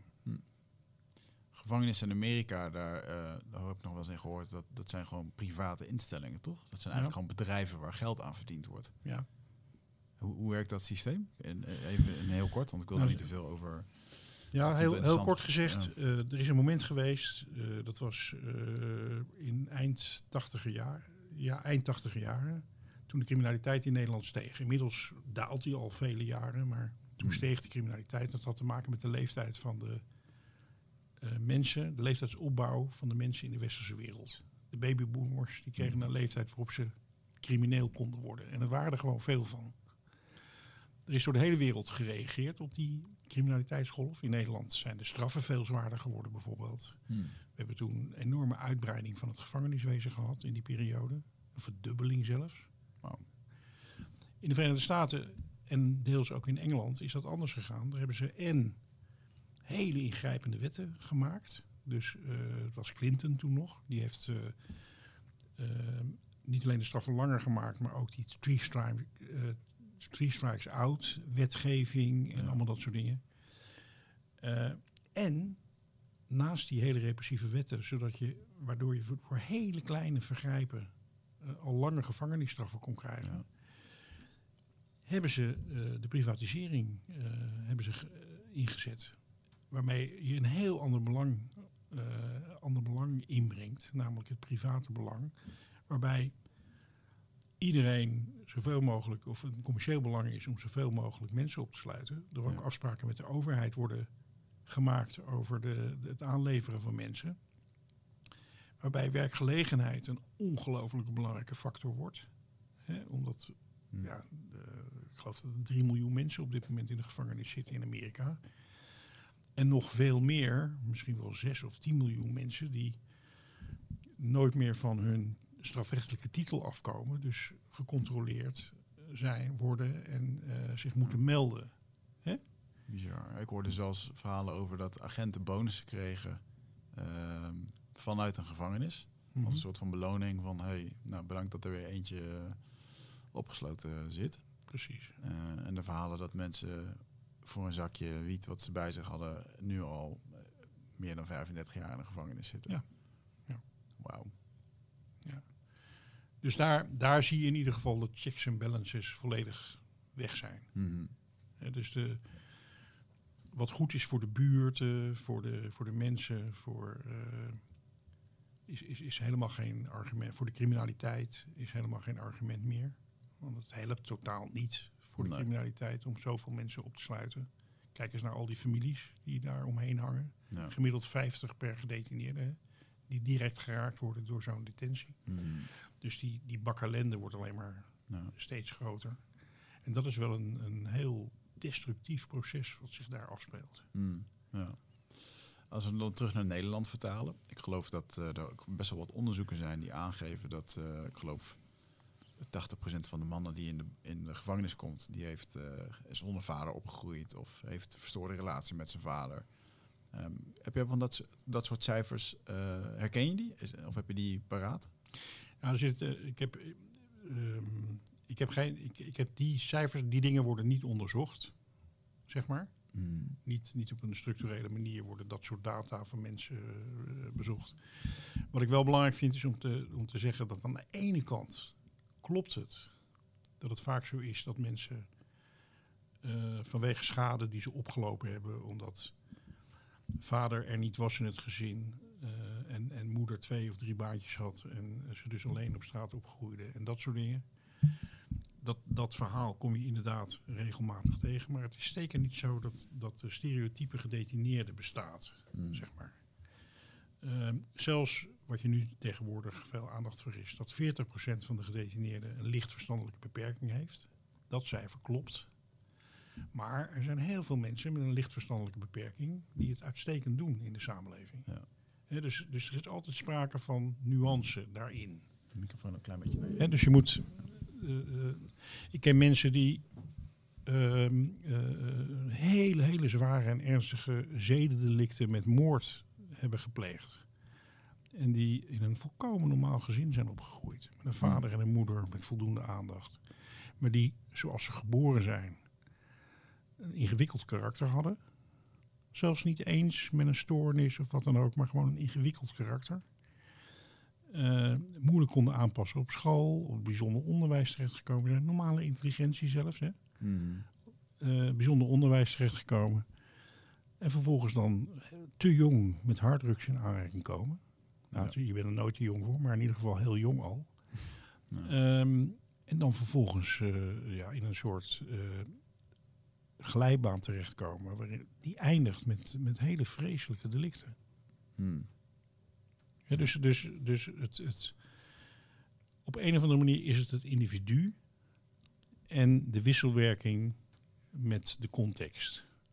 Bedoel, op het moment dat, dat, dat, dat je in het je aanpassen in de samenleving op een of andere manier steeds op je verkeerde been staat, wat voortdurend een reactie oproept die je verder in de problemen helpt, dan, dan, krijg, dan kan je een soort spiraal krijgen waar, ehm, waar mensen gewoon eh, uiteindelijk in de zware criminaliteit terechtkomen. Ja.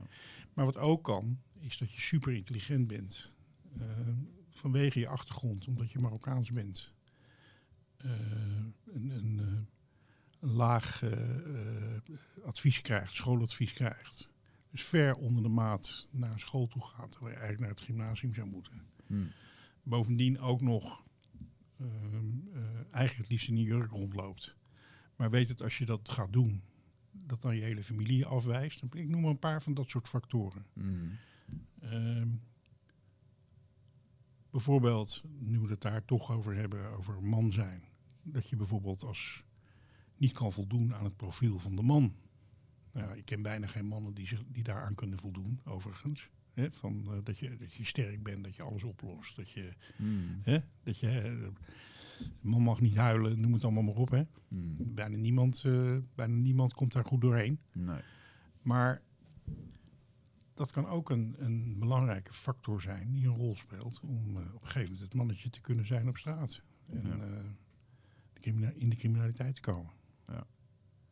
Dus, dus aan de ene kant klopt het dat er gewoon bepaalde eh, criminogene factoren zijn. Hè? Eh, bepaalde factoren zijn die de kans dat je een delict gaat plegen groter maakt. Aan de andere kant, wees ontzettend voorzichtig met eh, eh, vooroordelen wat dat betreft. En met Mhm. het categoriseren van mensen. Ja. Want dat is, dat is eigenlijk... Ja, bijna altijd eh, kom je dan op een verkeerd spoor terecht. Mhm.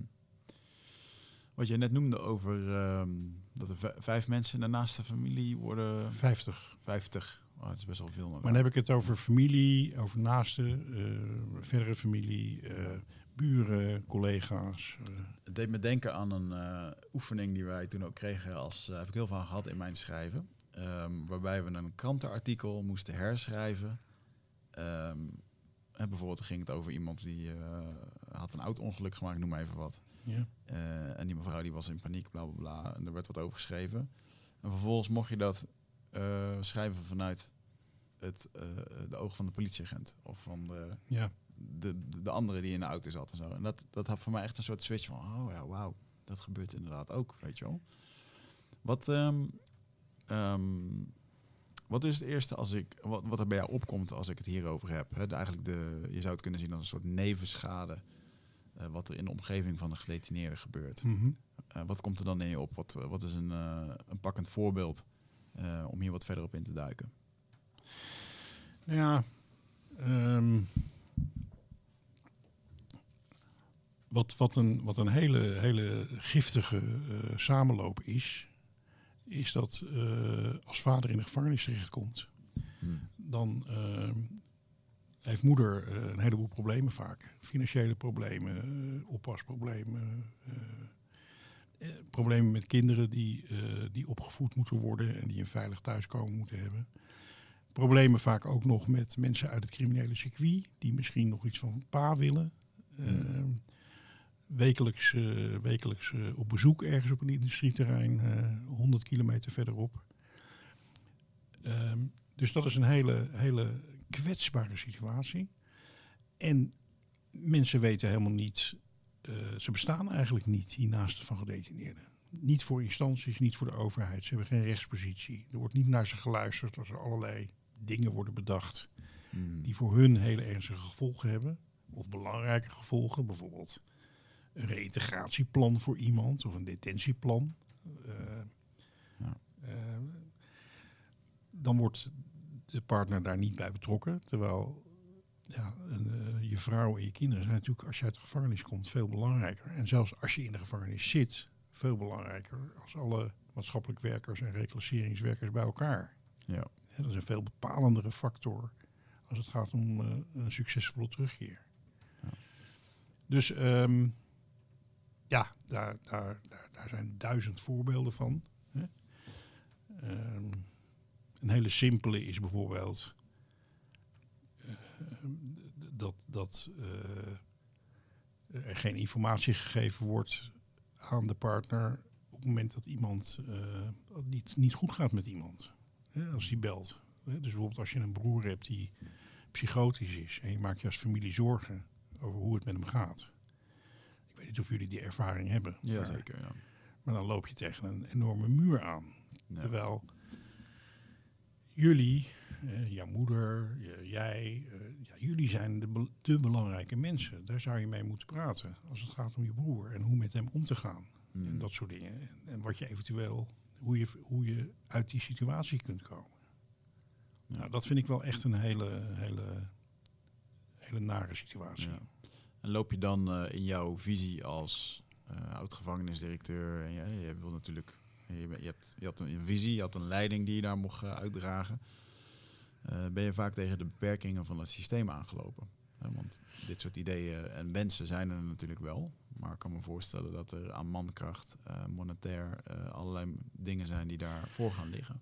Nou, wat mij betreft is er maar één alles overstijgend principe of een oorzaak dat, dat, dat we dingen niet doen zoals we het, beste zouden kunnen doen. Hmm.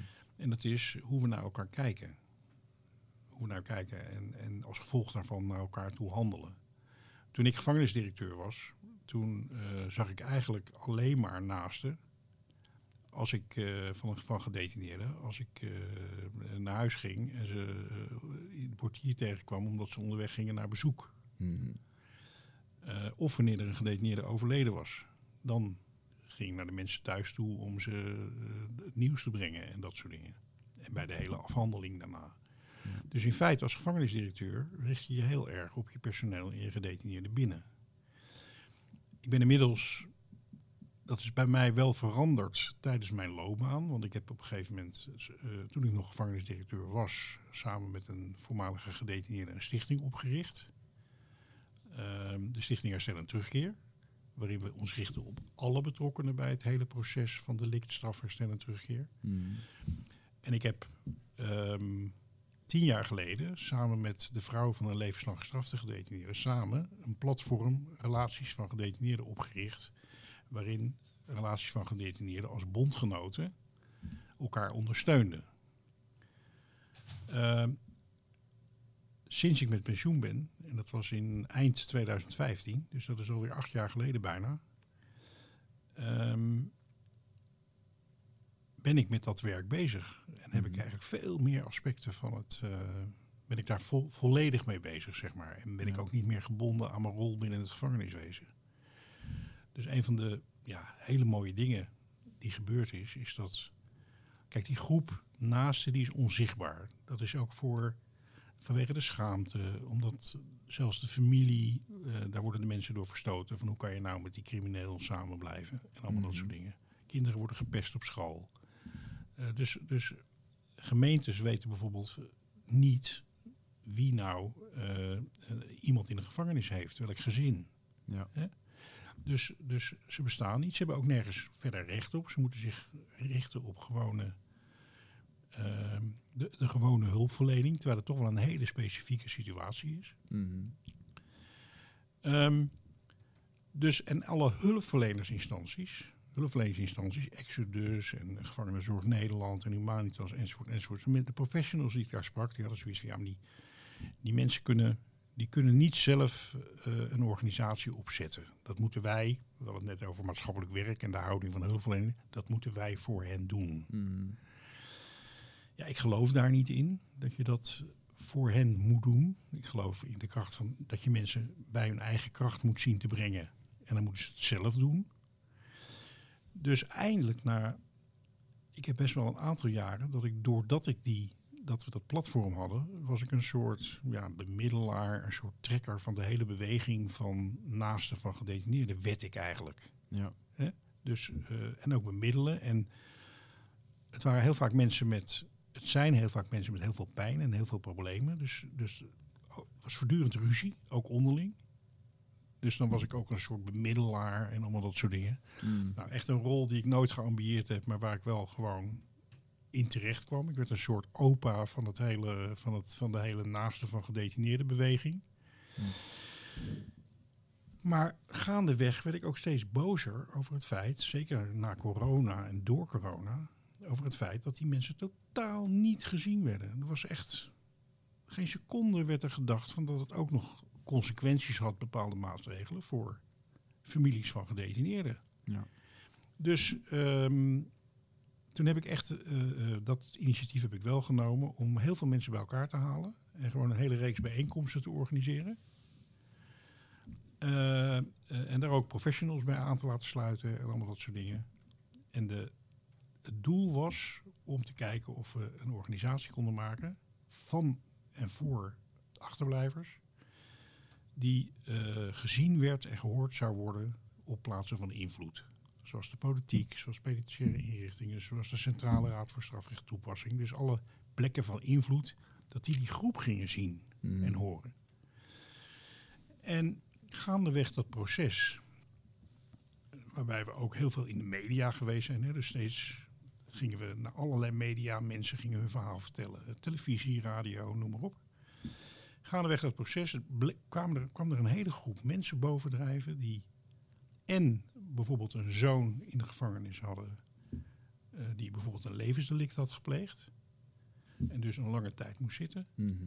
en niet voldeed aan het stereotype beeld van eh, een verwaarlozende moeder of vader of dat soort dingen. Maar gewoon mensen met een hele goede maatschappelijke carrière, met een goede opleiding, enzovoort, enzovoort. Die mensen kwamen allemaal gaandeweg dat proces bovendrijven. Mhm. En die hebben met elkaar een stichting opgericht. Stichting eh, Steun en Adviespunt Naasten van Gedetineerden. En ehm, nou, dat hebben wij dus vanuit de Stichting Herstel en Terugkeer gefaciliteerd. En we hebben ook echt gezegd, we ondersteunen dat op allerlei manieren. Maar ehm, het is jullie stichting en jullie gaan nu verder. En dat is, dat is wat er nu gebeurt. En daar ben ik dus ongelooflijk blij mee. Als je eh, vanmorgen stond er dus in de Volkskrant een artikel van een van de bestuursleden van, eh, van de stichting. Die Mm. vertelde over haar situatie. Ehm, we zijn, ze, zijn druk, ze zijn druk in gesprek met het gevangeniswezen om in de inrichtingen te komen. En eh, daar, hun, eh, daar ook eh, aan het werk te gaan. Voorlichting te geven op scholen. En ook gewoon Eh, ik ben met twee naasten van gedetineerden vorig jaar bij minister Weerwind geweest op zijn uitnodiging. En ja, echt te proberen om een had, jou een naaste... had jou een appje gestuurd, toch? ja, maar dat was kort geleden. Ah, ja, ja. dat is ja, kort geleden. Maar dat was omdat hij mijn boek had gelezen. Ja, mooi. Hij heeft me gebeld. Leuk. Dat is, wel, dat is trouwens wel bijzonder. eh, Mhm. zeker als je de bestuurscultuur eh, eh, van bij justitie kent. Dat je dus dat de telefoon gaat. ja, met Frank Weerwind. Ik heb net je boek uitgelezen. En dan vervolgens gaat vertellen dat hij het een prachtig boek vond. mooi. Dat is wel dat hij dat doet, maakt hem wel heel bijzonder hoor. En dit, dit hoor ik niet alleen, dit heb ik niet alleen zelf meegemaakt, maar dat Mm. hoor ik van heel veel mensen. Dus in die zin breekt hij door wie hij is heel erg met de cultuur die we in de afgelopen 15 jaar hebben, Ja, hebben leren kennen. er is in ieder geval oog voor een nieuwe visie. Ja, en je moet je wel realiseren dat, tenminste ik realiseer me wel, dat, eh, dat hij eh, moet functioneren in een, eh, om, in een Tweede Kamer of naar een Tweede Kamer toe, die eigenlijk alleen maar repressie wil, Hm. zeg maar. Het is echt, het is echt niet te geloven dat hoe rechts Nederland is geworden en hoe volstrekt onbelangrijk feiten zijn geworden of wetenschappelijke onderzoeken als het gaat om het omgaan met criminaliteit. Hm. Mensen willen het niet eens weten. Er is nu weer een hele. er willen de jongeren weer in kampementen stoppen en, en met tucht en discipline en allemaal dat soort dingen. Hm. Elk wetenschappelijk onderzoek toont aan dat dat niet gaat helpen. Nee. Eh, we zitten nog met de getraumatiseerde mensen van, eh, van de boten van de Eng en van de Clem Meelskampen en allemaal dat soort dingen. Dan moet je me even helpen wat dat is. Wat is dat? Nou, dat zijn allemaal probeersels uit het verleden, van de afgelopen eh, 50 jaar zeg maar. Waarbij orde en tucht eh, werd aangegrepen door bepaalde regimes in te richten Gewoon voor jongeren. Een, bo- een gevangenisboot en dan... eh, Ja, je had de Eng, hè, dat is zeg maar een jeugdinrichting. Een bekende jeugdinrichting. hm. En die heeft op een gegeven moment. eh, eh, was daar een directeur die, die een soort charismatische Jezusfiguur. die de oplossing voor alle problemen had. En die, meneer Jonker was dat. En die heeft, eh, die heeft een, een, een boot, eh, die heeft een soort vloot heeft hij, van boten heeft hij, eh, heeft hij, had hij liggen. Waar jongeren zeg maar, als matrozen zeg maar, Ah, ja. tucht en discipline moesten ervaren. En op die manier zeg maar, op het rechte pad zouden komen. Hm. Ehm, nou, dat is eigenlijk heel erg wat daar gebeurd is. En na een paar jaar is hij ook eh, heel gauw weer afgevoerd. Omdat eh, ja, het was, langzaam doordrong wat voor verschrikkelijke situaties dat opleverde. Hm. En ik heb nog heel regelmatig contact met nu mannen die daar als jongen gezeten hebben. Hm. En die, eh, die daar hele, hele zware littekens aan overgehouden hebben. Ja, heftig. Kijk, als jij bijvoorbeeld, ik noem maar iets, geadopteerd bent en eh, als jongetje en je bent eh, misbruikt toen je vijf was. Hè, eh, en vervolgens vanuit dat, dat affectieve gat en die beschadiging kom je in de problemen. Het laatste waar jij mee geholpen bent is tucht en orde. Ja. Je bent, je bent geholpen met mensen die, die jou willen begrijpen en ehm, die oog hebben voor wie jij bent en wat je meegemaakt hebt. ja. Mooi. Mooi. Ik denk dat dat ook een mooie afsluiter is om eh, een beetje tot een einde te komen. Dankjewel voor jouw eh, komst hier. Mensen kunnen jouw boek bestellen. Eh, het zijn ook mensen. Het zijn Het mensen. zijn mensen. Ook het zijn, het zijn mensen. Ja. Het zijn mensen. Memoires van een gevangenisdirecteur van Frans Douw. Ehm, zijn er nog andere dingen die je wilt vermelden? Je hebt een podcast. Meer over dit soort Ja, ik, heb een. eh, de, ik heb de Stichting Herstel en Terugkeer doet van alles. We organiseren ontmoetingsdagen, we geven lezingen. We hebben eh Toon Walravens en ik hebben, ja, ik denk wel het grootste netwerk in Nederland als het gaat om alle partijen die betrokken zijn bij dit proces. Dus ook bij nabestaanden, ook bij families. Ja. Dus dat is, maakt ons wel uniek. We zijn niet een instantie, dus we blijven onder het, onder het maaiveld. En dat willen we ook. We willen gewoon eh, Ja. verbinden en, en, en dat soort dingen.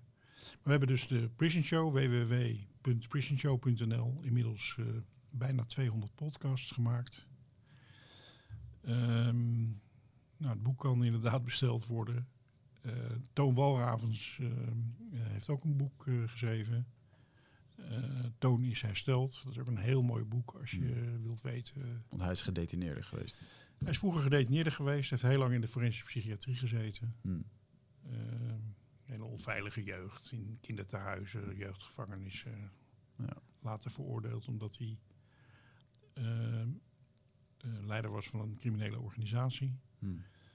Zeer, zeer intelligent. Hij heeft in de gevangenis eh, lezen en schrijven geleerd. En eh, is nu eh, adviseur van de raad van bestuur van eh, de grootste TBS-inrichting in Nederland. En ja, eigenlijk, ik zou hem eigenlijk willen karakteriseren als de ervaringsdeskundige. Het is een van mijn beste vrienden. Mooi. Hij heeft internationale awards gewonnen, noem maar op. Eh, dus in die zin hebben we een, een, eh, een unieke positie. En ik moet ook zeggen, eh ik kondigde me aan als een gepensioneerde gevangenisdirecteur, wat ik ook ben. Maar ik ben, ik ben ook gewoon een, een, iemand die volledig gepassioneerd is door de vraag. Met, eh, over de vraag van goh, hoe kunnen we het geweld stoppen? Hoe kunnen we de samenleving menselijker maken? Hoe kunnen we Ja. een menselijke maat vinden? En daar ben je nu. Wat, is- wat is het antwoord op die. eh, om daarmee af te sluiten? Wat is het, eh, wat is het antwoord op die geweldlozere samenleving? Dat is een brede vraag, maar. Nou, het, het, het, is ook, het is ook kort gezegd. Ik had, paar weken geleden deed ik een, eh, hield ik een lezing voor plattelandsvrouwen. Van tussen de 60 en de 80. Hele zaal vol. In een dorpscafé ergens. En na mijn lezing stond er een vrouw op die zegt van... Ja, meneer Douw. eh, want wat ze hadden het gehad over Poelenburg, de wijk in Zaandam, waar heel veel criminaliteit is. En eh, nou, die, die, die mensen willen niet deugen en noem het allemaal maar op. Ze zeiden van, dus eigenlijk zegt u dat het enige wat wij hoeven te doen om de problemen in Zaandam op te lossen, in Poelenburg, is anders naar die mensen gaan kijken. Dus eh, iets doen met onze eigen angst, onze eigen vooroordelen. En gewoon anders te reageren als ze solliciteren, als we ze in de stad tegenkomen, als ze ons eten komen bezorgen, Ja. als ze eh, stage willen lopen, als ze in een winkel werken, noem maar op. Anders op ze reageren zonder vooroordelen. En ik had er zelf nog niet zo over nagedacht op die manier. En toen dacht ik, van, ja, eigenlijk heb je gelijk. Hm. Als we dat met z'n allen doen en eh, onze vooroordelen eh, loslaten en niet vanuit angst reageren, dan hebben we dus iets met onszelf te doen en niet met de ander. Ja. Dan hoeven we niet te gaan prutsen aan al die jongeren in, eh, in Poelenburg. Nee, we hebben, we hebben iets te doen met onszelf. Ja, mooi. Dus de perceptie die verandert, waardoor de heling ontstaat. Ja. Dat is het. Mooi. Dankjewel dat je wilde komen. Nou, heel erg bedankt voor de uitnodiging, eh, Wiggert. Ja, leuk om, eh, was heel leuk. leuk om je weer te zien na een aantal jaren. Want eh, we hebben natuurlijk niet zo heel veel contact met elkaar gehad. Maar en ik ben heel trots op je dat je je boek hebt afgeschreven. Dat, Dankjewel. eh, ik, als auteur zijn en schrijver zijn eh, vind ik dan vind ik het leuk om de mensen ook die credit te geven. Want ik weet eh, hoeveel werk dat, er, dat erin gaat. Die pijn Ja. heb je zelf ook onder, ervaren, ondergaan. Het is een bijzonder proces, hè, een boek Ja. schrijven. Ja. Oh, jij was dan toen nog niet helemaal. Jij was niet eens echt van plan om echt een boek te schrijven, toch? Je wilde gewoon je herinneringen. Nou, soort van ik was, ik was eigenlijk... ehm, ehm,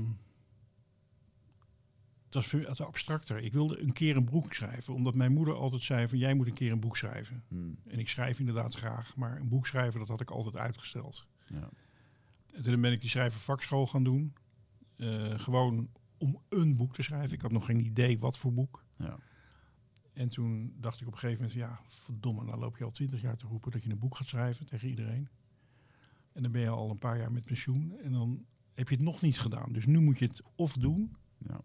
Of je houdt er voortaan je mond over. En toen ben ik het dus gaan doen. Ja. En toen is het geworden een verhaal of wat ik, me- ik neem mensen eigenlijk mee eh, met een eh, soort eh, camera op mijn nek door jeugdinrichting, mijn jeugd, eh naar jeugdinrichting, gevangenissen, TBS, ook internationaal allerlei projecten. Dat doe ik trouwens ook nog steeds. ja, mooi. Ehm, en ehm, op een gegeven moment merkte ik van ja, als ik al die verhalen schrijf, dan moet ik ook iets zeggen over hoe ik op die manier, waarom ik op die manier ben gaan werken. Dus toen, toen is eigenlijk pas dat autobiografische element erin gekomen. Ja. Ja, Zo is het een beetje ontstaan. Mooi. Dankjewel voor je komst. Dankjewel voor het werk wat je maatschappelijk eh, hebt geleverd en nog steeds eh, doet. En eh, ik denk dat er heel veel mensen ja, niet bewust van zijn wat er allemaal op de achtergrond speelt in dit, in dit wereldje. Eh dus mooi dat mensen zich daarvoor inzetten. Eh, luisteraars, dankjewel voor het kijken. Abonneer je eventjes op deze video. Ehm, en, eh, vind ons eventjes op Instagram. Uh, Meerman of het Eindbazen. En ehm, ik zie jullie heel graag bij een volgende aflevering weer.